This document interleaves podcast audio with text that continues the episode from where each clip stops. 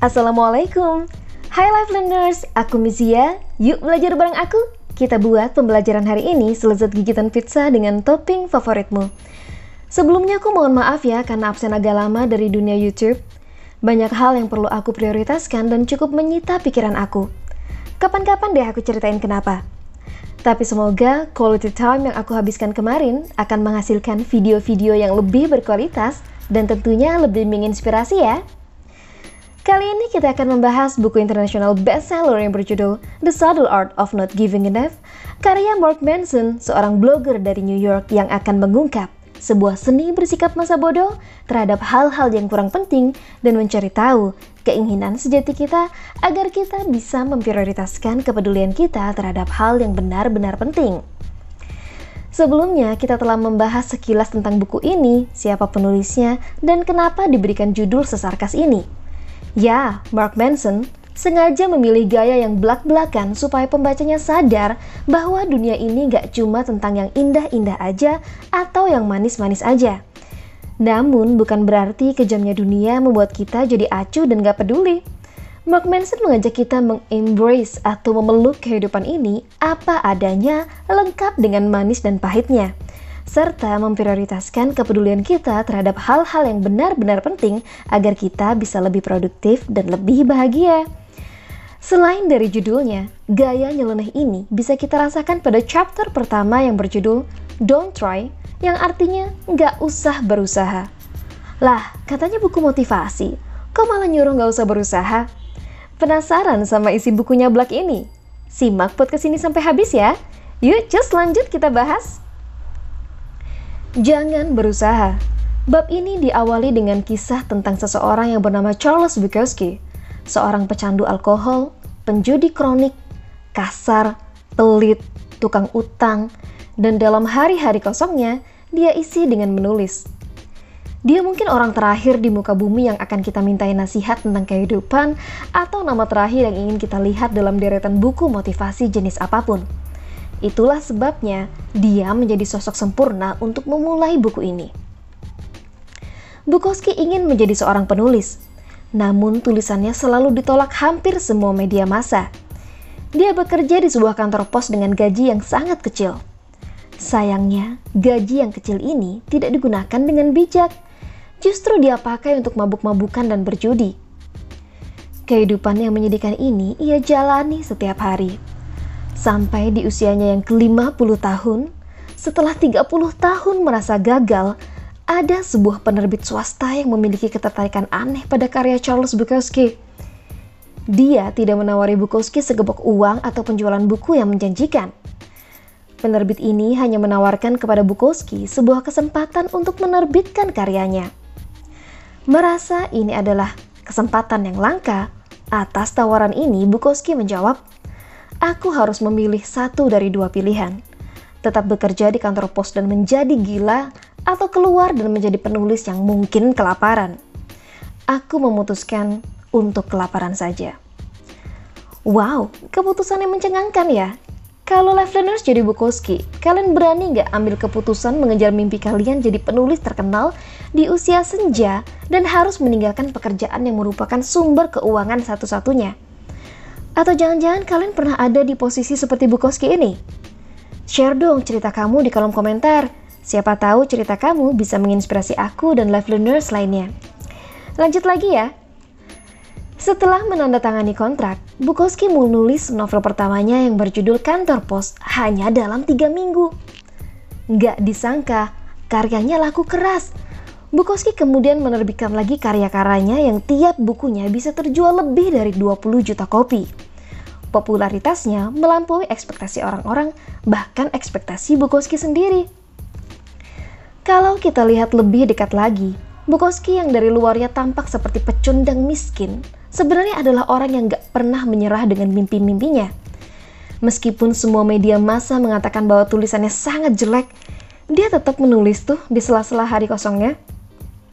Bahkan di usianya yang ke-50 tahun, ketika kebanyakan orang sudah mulai melupakan cita-citanya, Bukowski malah baru menjemput mimpinya dengan merelakan pekerjaannya sebagai penyortir surat di kantor pos untuk menjadi seorang penulis, meskipun penerbit bukunya gak menjanjikan segopok uang atau penjualan yang sukses. Meski demikian, setelah melewati kehidupan yang pahit sebagai pecundang, kemudian mengambil keputusan yang hebat untuk menjadi seorang penulis di penghujung usianya, Charles Bukowski menuliskan sebuah pesan aneh di atas batu nisannya yang berbunyi "Don't try" alias jangan berusaha. Aneh kan? Ternyata Meskipun dia berhasil menjual karya-karyanya berjuta-juta kopi dan mendapatkan popularitas yang gak pernah dia bayangkan sebelumnya, dia tetap menyadari bahwa dirinya adalah seorang pecundang yang kasar dan gak berusaha untuk mengubah itu. Suatu ketika di sebuah panggung pembacaan puisi, Bukowski mencibir pendengarnya dengan kata-kata kasar khas orang-orang jalanan. Dia jujur dengan menjadi dirinya sendiri yang memang seorang pecundang yang kasar. Ketika masih miskin pun, Bukowski tidak lantas berhenti menulis di hari-hari kosongnya. Yang dia tahu, dia suka menulis. Masa bodoh dengan media massa yang menolak karya-karyanya? Intinya, dia nggak mau peduli dengan standar-standar yang dibuat orang lain jika standar-standar itu berarti harus mengubah dirinya ke versi yang membuatnya nggak nyaman. Nah, semoga kalian paham ya dengan maksud tulisan jangan berusaha di atas nisannya Charles Bukowski. Lanjut ke sebab selanjutnya, lingkaran setan. Ada sebuah keanehan mental yang membahayakan otak kita. Dan jika dibiarkan terus-menerus, itu bisa membuat kita gila. Contohnya, kita menjadi khawatir ketika kita tidak bisa melakukan sesuatu dengan sempurna. Ada perasaan, aduh begini bener gak ya? Atau jangan-jangan seharusnya kayak gitu? Lama-kelamaan, kita jadi khawatir sama rasa khawatir kita sendiri merasa overthinking, dan karena kebanyakan mikir, kita jadi nggak ngelakuin apa-apa dan jadi marah sama diri kita sendiri. Aduh, gini banget sih hidup aku. Nah, kekhawatiran-kekhawatiran ini namanya lingkaran setan. Akar masalah sebenarnya hanya ada pada kekhawatiran-kekhawatiran kita yang nggak pada tempatnya. Contoh lagi ya, ketika kita lagi di kamar scrolling Instagram, terus ngeliatin feed, teman kita yang lanjut kuliah ke luar negeri atau dapat pekerjaan baru di perusahaan bergengsi. Kita jadi ngerasa worthless karena kita hanya rebahan di kamar dan gak punya achievement apa-apa. Akhirnya kita berpikiran bahwa hidup kita flat banget. Bahkan mungkin merasa hidup kita lebih menyedihkan dari sebelum kita ngeliat postingan-postingan tadi. Itulah kenapa kadang bersikap masa bodoh itu diperlukan. Karena kita memahami hidup kadang gak berjalan sesuai ekspektasi kita dan hidup memang begitu adanya. Andai kita mendapatkan kegagalan, masa bodoh aja. Tetap jalanin hidup kita di versi yang paling nyaman buat kita. Dengan begitu, kita jadi makin bahagia buat ngejalanin hidup dan mulai produktif lagi dengan hari-hari kita tanpa perlu pusing mikirin standar dari orang lain yang belum tentu cocok sama hidup kita. Mark Manson mengatakan, hasrat untuk mengejar semakin banyak pengalaman positif adalah pengalaman negatif. Dan secara paradoksil, penerimaan seseorang terhadap pengalaman negatif justru merupakan sebuah pengalaman positif. Seorang filosof bernama Alan Watts memiliki pemikiran tentang hukum kebalikan. Semakin kuat Anda berusaha untuk menjadi lebih baik, semakin Anda merasa tidak puas. Semakin kita berusaha untuk menjadi lebih cantik, semakin kita ngerasa nggak puas sama kecantikan kita, yang akhirnya membuat kita putus asa.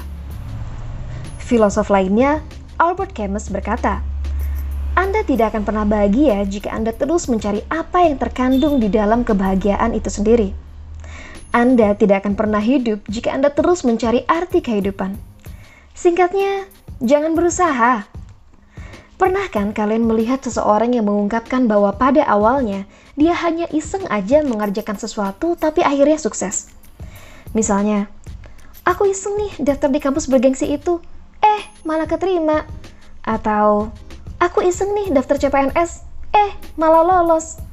Padahal kita yang mati-matian berjuang buat itu semua malah nggak dapat-dapat. Ini nih yang disebut hukum kebalikan. Orang yang sering latihan di gym pasti merasakan capek dan pegel-pegel setelah olahraga. Apalagi kalau itu olahraga pertamanya. Tapi justru dari rasa capek itu, dia bisa mendapatkan badan yang bagus, sehat, dan bugar. Atau ada orang yang berusaha merintis bisnis apa pun tapi selalu gagal. Justru sebenarnya dari kegagalan-kegagalan itu tadi, dia jadi paham cara-cara apa saja yang menyebabkan usahanya tadi itu gagal, supaya dia bisa mencoba cara lain agar bisa berhasil. Dengan kata lain, sebenarnya kegagalan itu juga punya nilai positif.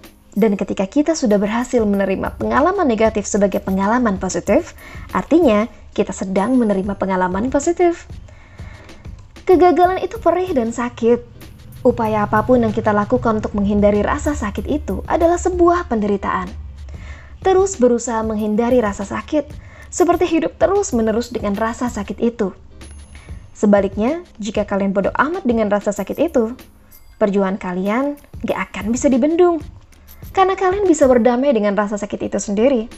Dengan kata lain, bodoh amat berarti memandang sesuatu tanpa gentar atas tantangan yang paling menakutkan dan sulit pada kehidupan dan bersedia mengambil suatu tindakan.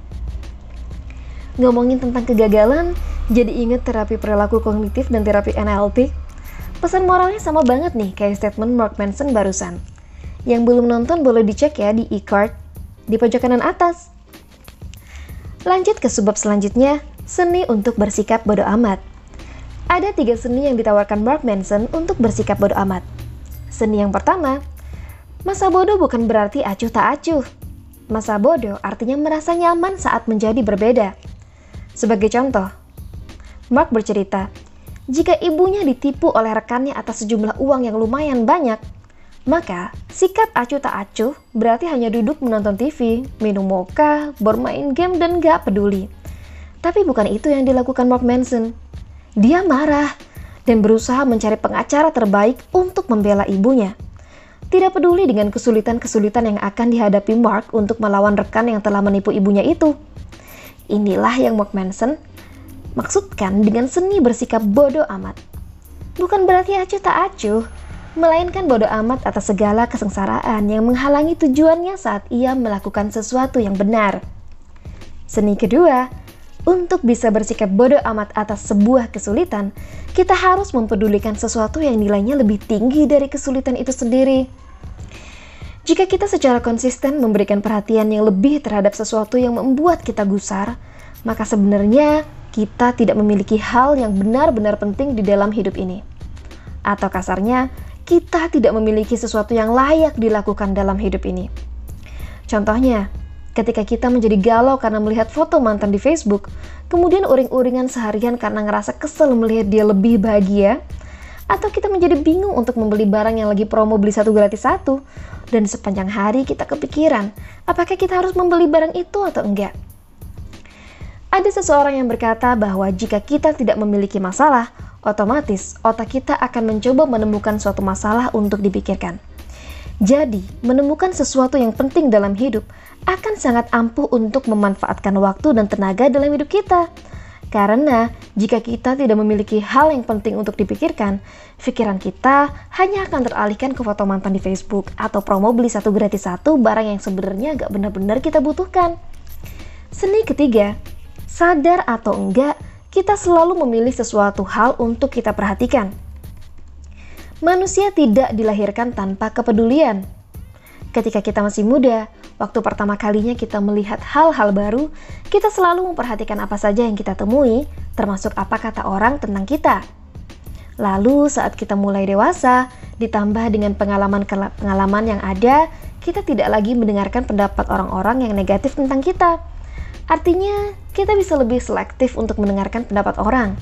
Pada akhirnya, kita bisa berkata bahwa kedewasaan muncul jika seseorang bisa memulai memperhatikan hal-hal yang benar-benar penting.